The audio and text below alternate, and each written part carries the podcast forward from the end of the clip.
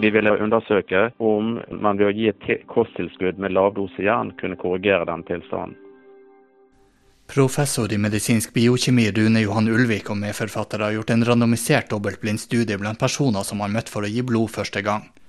De som var ellers friske med beskrivning hadde jernmangel, ble tilbudt inklusjon i studien. Vi rekrutterte da eh, individer som meldte seg til blodbanken eh, for å bli blodgivere. og eh, Vi undersøkte de og valgte ut individer med lett anemi og med tomme jernlagre.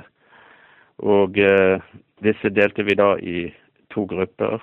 Én fikk 100 mg vanlig jernsulfat, og den andre gruppen fikk lavdose. Og vi så da at de som fikk lavdose, fikk eh, korrigert sin eh, anemi på samme måte som fikk høy dose. Mens jernlagrene økte noe mer hos de med høy dose enn de med lav dose.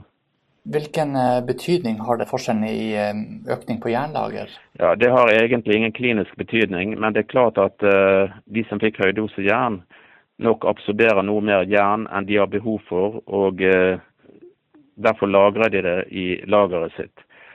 Så, men det har ingen klinisk betydning. Eh, det som har betydning, er at de får nok jern til å dekke behovet, det såkalte funksjonelle behovet for eh, syntese av hemoglobin og andre enzymer og proteiner som har bruk for jern. Lavdose jern var like bra som høydose for hemoglobin, serumjern og jernbindingskapasitet. Ulvik mener det nå er riktig å gi lavdose jern.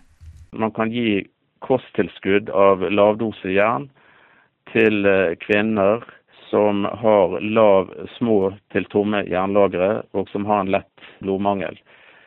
Da er det tilstrekkelig med å gi lavdosejern istedenfor tradisjonelle høydosejerntilskudd.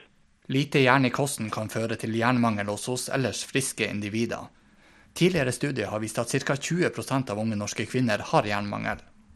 Bakgrunnen er at vi vet at en stor del av den kvinnelige befolkning særlig da, har eh, for lite tilførsel av jern i vanlig kosthold, og er derfor utsatt for jernmangel. Det har vist seg i større undersøkelser i Norge tidligere at eh, kvinner før menopause, eller i alder 20 til 55 år, har eh, små til tomme jernlagre, og 20 eh, har faktisk tomme jernlagre. Jerntilskudd gir ofte bivirkninger. Studien viser at forekomsten av gastrointestinale bivirkninger er lavere med lav dose. Høydose jern det er jernsalter som i tarmen da inngår i reaksjoner som kan gi bivirkninger som eh, forstoppelse, diaré, magesmerter. Dette er allment kjent. Og det virker også inn på etterlevelse. De som da får bivirkninger, de stopper hjernebehandlingen.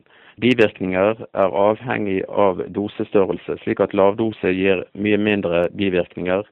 Og det tilfellet at vi har hem jern i lavdosen, betyr også at de får mindre bivirkninger. Og tilstedeværelsen av hemjern kan være en del av forklaringene på funnene i denne studien. Det vi vet er at eh, de tradisjonelle eh, jerntablettene med jernsalter, de inngår i kjemiske reaksjoner i tarmen som da irriterer tarmslimhinnen og gir disse bivirkningene. Hvis vi derimot gir eh, hemjern, som da er en mer fysiologisk og naturlig substans, så inngår den ikke i tilsvarende reaksjoner og gir da også mindre bivirkninger.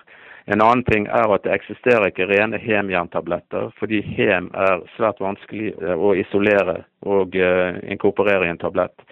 Men eh, lavdosetabletten har et eh, tilskudd av hem på ca. 13% og det i seg selv kan bidra til at bivirkningene blir mindre.